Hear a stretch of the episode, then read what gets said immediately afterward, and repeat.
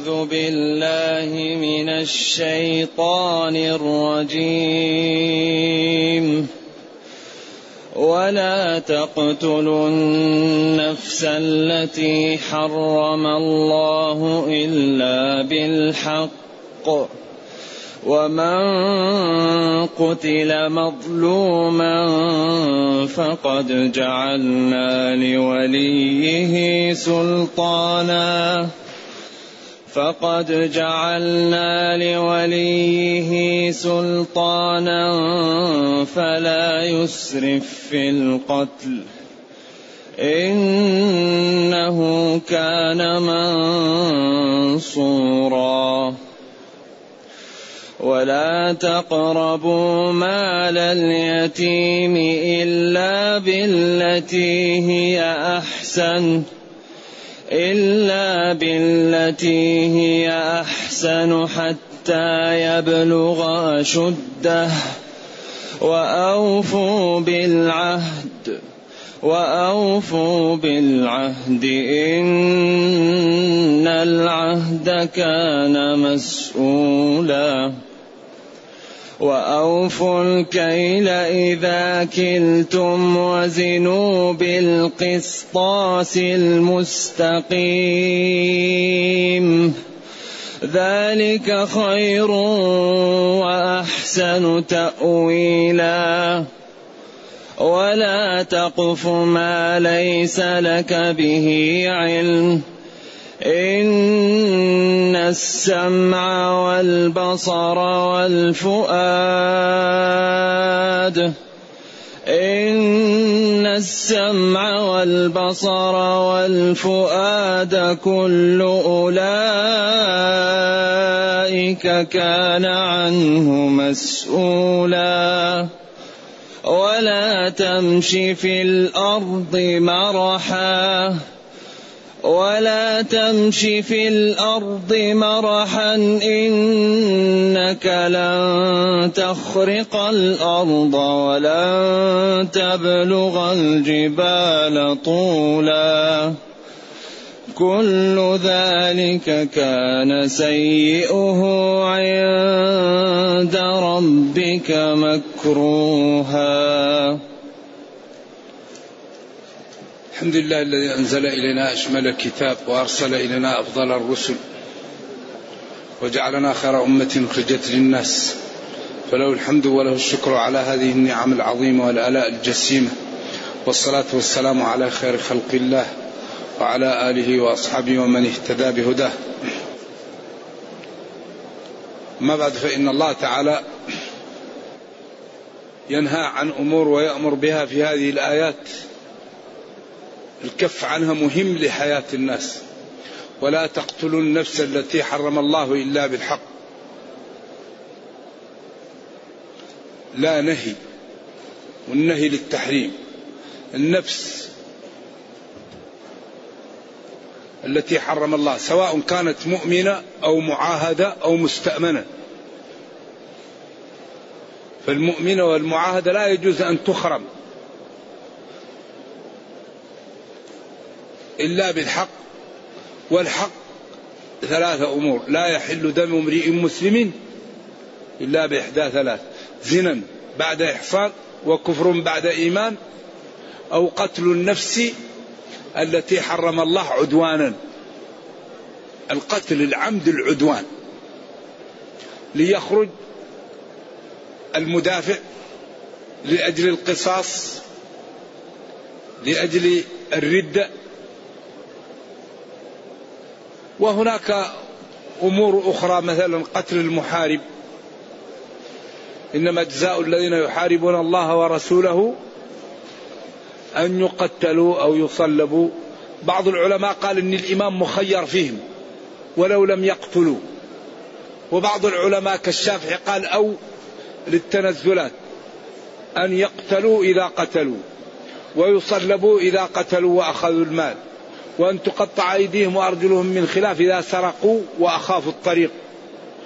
أو أو ينفوا من الأرض إذا لم يقتلوا ولم يسرقوا وأخافوا بس بدون ما يقتلوا إنها تنزلات. مالك قال لا الإمام مخير بين الأربعة. وكذلك الساحر لكن الساحر يدخل في إيش؟ من بدل دينه لأن تعاطي السحر كفر.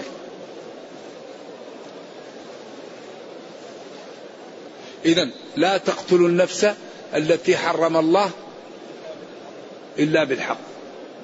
الحق هو أن يكون قصاص أن يكون صائم أن يكون مرتدا أن يكون محصنا وعمل الفاحشة وشهد على نفسه أو جاءوا أربعة شهود وعاينوا وصرحوا. إذا إلا بالحق لها مفهوم هنا. إلا قتلا متلبسا بالحق أي بالشرع مباح. ثم قال جل وعلا ومن قتل مظلوما فقد جعلنا لوليه سلطانا. من قتل مظلوما قتل في حال كون القتل الذي حصل عليه غل عدوان فقد جعلنا لولي المقتول سلطانا.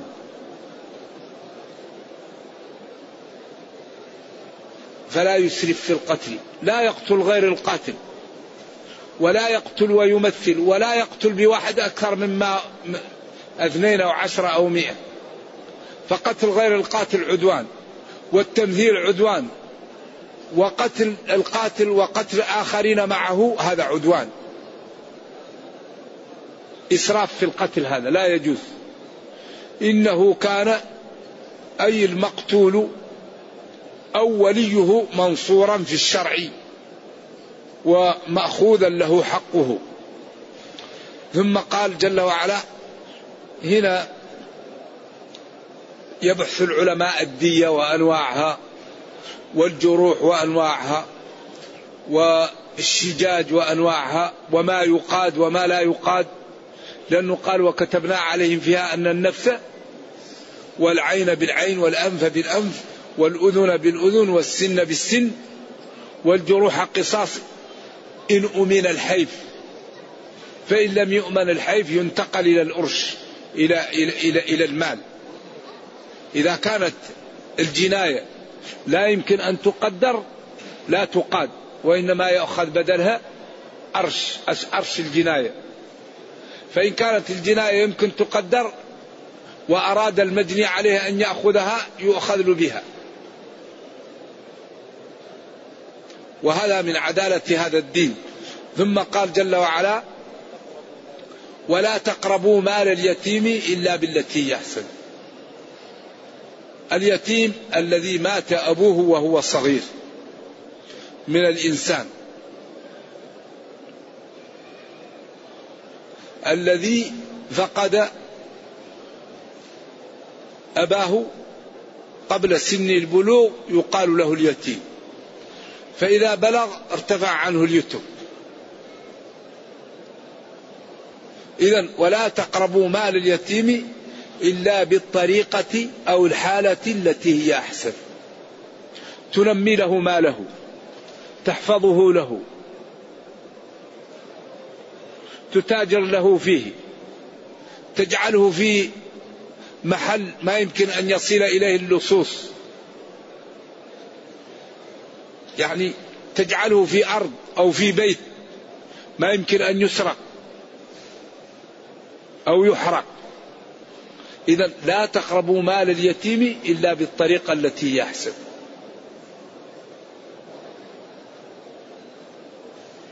وبعض الناس يتولى أموال الأيتام ويقي ماله بمال اليتيم. هذا خطير جدا. ولذلك قال ولا تأكلها إسرافا وبدارا أن يكبروا. تأخذ مال وتسرف فيه وتبادر قبل أن يكبر ويكون يبلغ سن الرشد تحاول تأخذ ماله. لا. ولذلك قال إن الذين يأكلون أموال اليتامى ظلما إنما يأكلون في بطونهم نارا وسيصلون سعيرا. ولما جاءت هذه الآيات وخوفت من أموال الأيتام عند ذلك حجم المسلمون عن أموال الأيتام. فقال لهم جل وعلا وإن تخالطوهم فإخوانكم هم إخوانكم. لكن هدد تهديد مبطن والله يعلم المفسد من المصلح. إن تخالطوهم فإخوانكم. ما أقول لا تخالطوهم لكن لا تخالطوهم لتأكلوا أموالهم إسرافا وبدارا ولتقوا أموالكم بأموالهم لا. فإخوانكم والله يعلم المفسد من المصلح. الذي يخالط اليتيم ليصلح له ماله ما هو من اللي يخالطه ليفسد له ماله. ولو شاء الله لعنتكم. لجعلكم في الحرج ولكن خفف عليكم وأباح لكم مخالطتهم. لكن بالطريقة التي تكون فيها ماذا؟ ولذلك قال ومن كان غنيا فليستعفف ومن كان فقيرا فليأكل بالمعروف. اختلف العلماء فيها. ذا الطبري يقول فليقترض من مال اليتيم فإذا تيسر أمره يرد لليتيم ماله. هذا هو الأكل بالمعروف. أما أنك تأكل مال اليتيم بالمعروف تأكل منه لا. تأخذ أجرة المثل أو تقترض من مال اليتيم فإذا تيسر أمر اليتيم تيسر أمرك أنت وأصبح عندك مال ترد لليتيم ماله. الاقتراض أو تأخذ أجرة المثل. هذا هو الأكل بالمعروف. أما تأكل من مال اليتيم هكذا ليه؟ تأخذ أجرة المثل أو تقترض.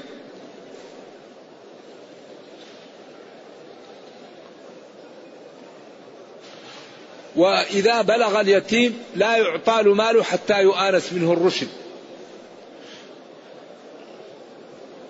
وابتلوا اليتامى حتى إذا بلغوا النكاح فإن آنستم منهم رشدا فادفعوا إليهم أموالهم يدفع لليتيم ماله بشرطين. الشرط الأول البلوغ الشرط الثاني معرفة الرشد فيه بأن تعطيه مال قليل وتشوف تصرفه. فإن رأيت تصرفه سليما أعطيه ماله بعد أن يبلغ.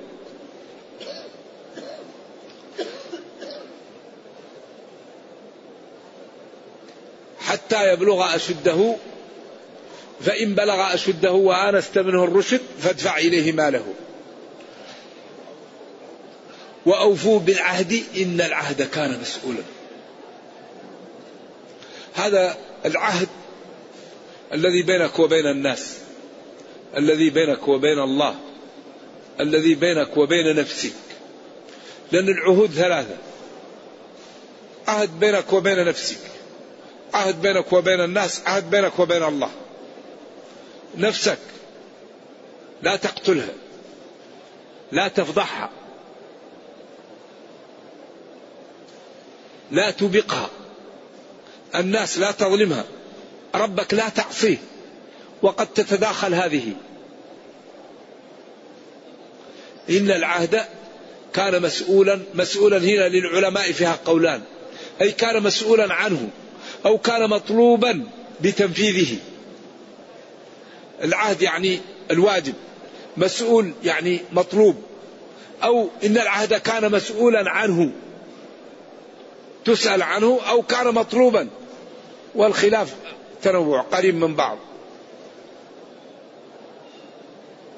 إذا هذا من الجمال والحسن ومن المنافع حري بنا أن ننتبه بها. ثم قال وأوفوا الكيل إذا كلتم وزنوا بالقسطاس بالقسطاس. قراءتان سبعيتان المستقيم. ذلك خير وأحسن تأويلا أوفوا من الإيفاء والتمام. الكيل. إذا كلتم لغيركم أو كلتم لأنفسكم وزنوا ما تأكلون أو توزنون بالقسطاس أو القسطاس الميزان المستقيم الذي لا يكون في زيادة ولا نقص. ذلك خير لك وللآخرين وللألفة وللمحبة ولعدم التنافر وللعدل ولعدم الظلم وأحسن تأويلا وأحسن عاقبة في صاحبه. ولذلك هنا قال ويل للمطففين الذين إذا اكتالوا على الناس وإذا كالوهم أو وزنوهم. هذا عيب عيب. والله لا يؤمن أحدكم حتى يحب لأخيه ما يحب لنفسه. الذي يكيل بمكيالين هذا عيب. أيوه.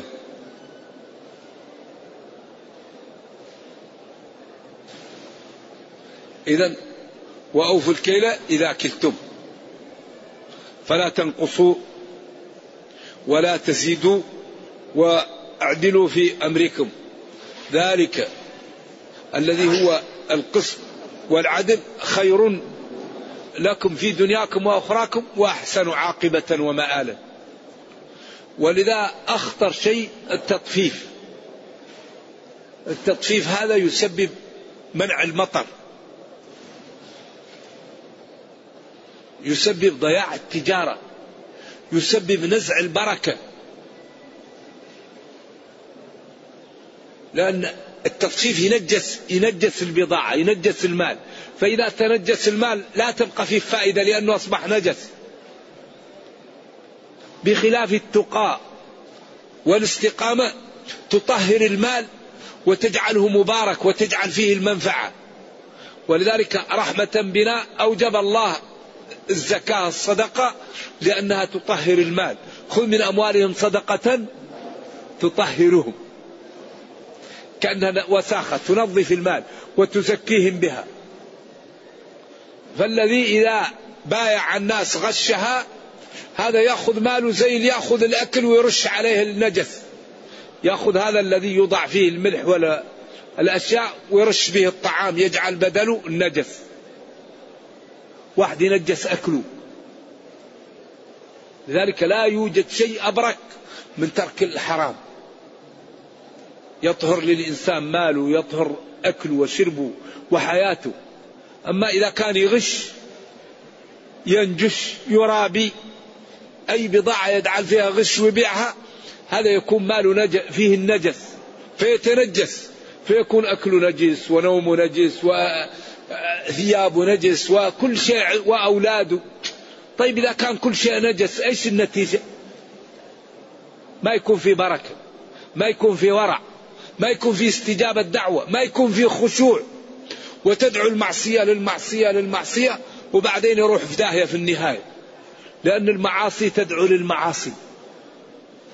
بخلاف الإنسان إذا كان ماله طاهر إذا أكل منه دعا الله تستجب الدعوة. فإذا استجبت الدعوة بارك له في المال وفي الولد وفي العمر وأصبحت حياته مباركة وأصبح نفعه على الناس. وإذا دعا الناس قبلوا منه وإذا رأوه الناس أصبح قدوة لهم. وأصبح يجني في الحسنات ويجني في الذكر الحسن وأصبح مستريحا سعيدا.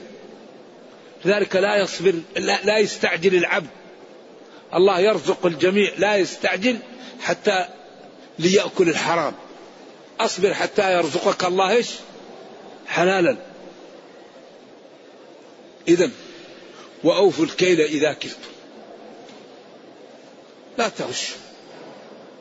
بعض الناس يغش. لا تغش. والبضاعة لا تغش لكن قل أنا هذه البضاعة أبيعها بكذا.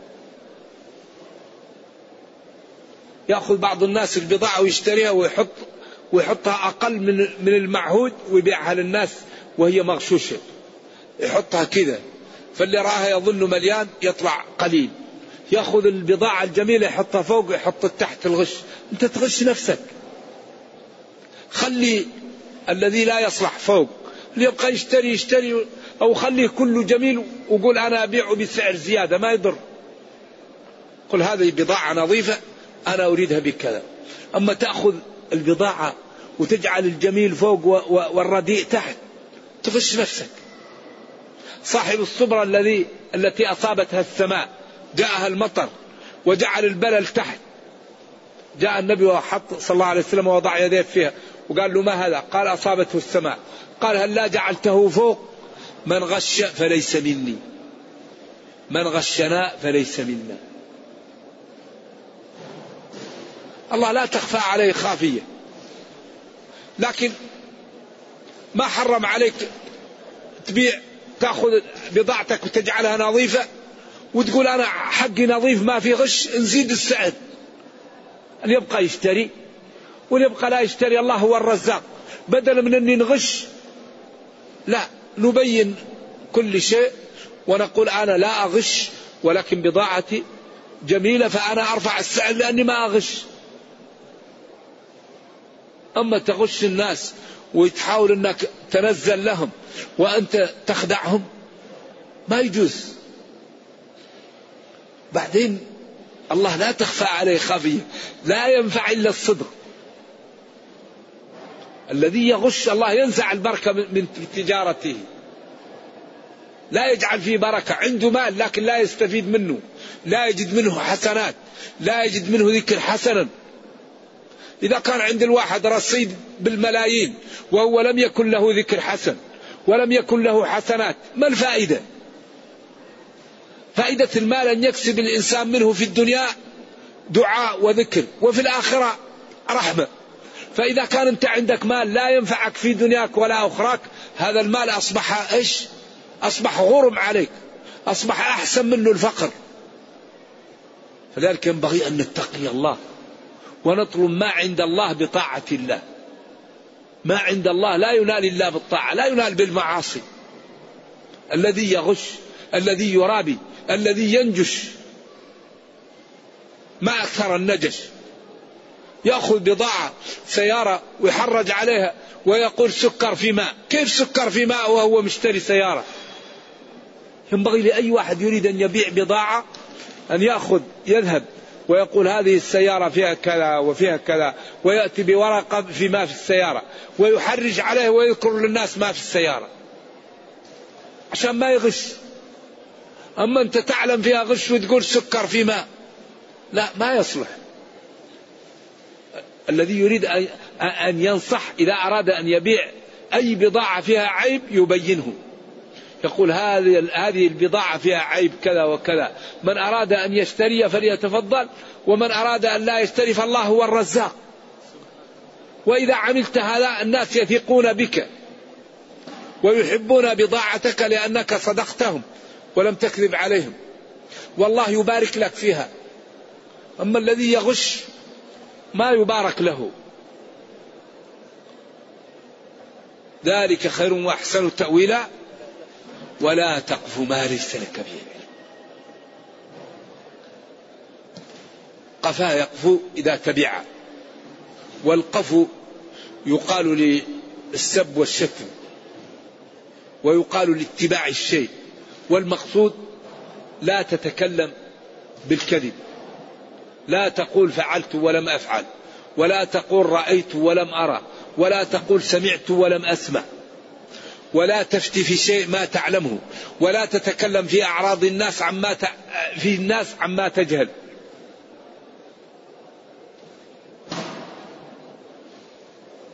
عرفت؟ قل. ما عرفت توقف.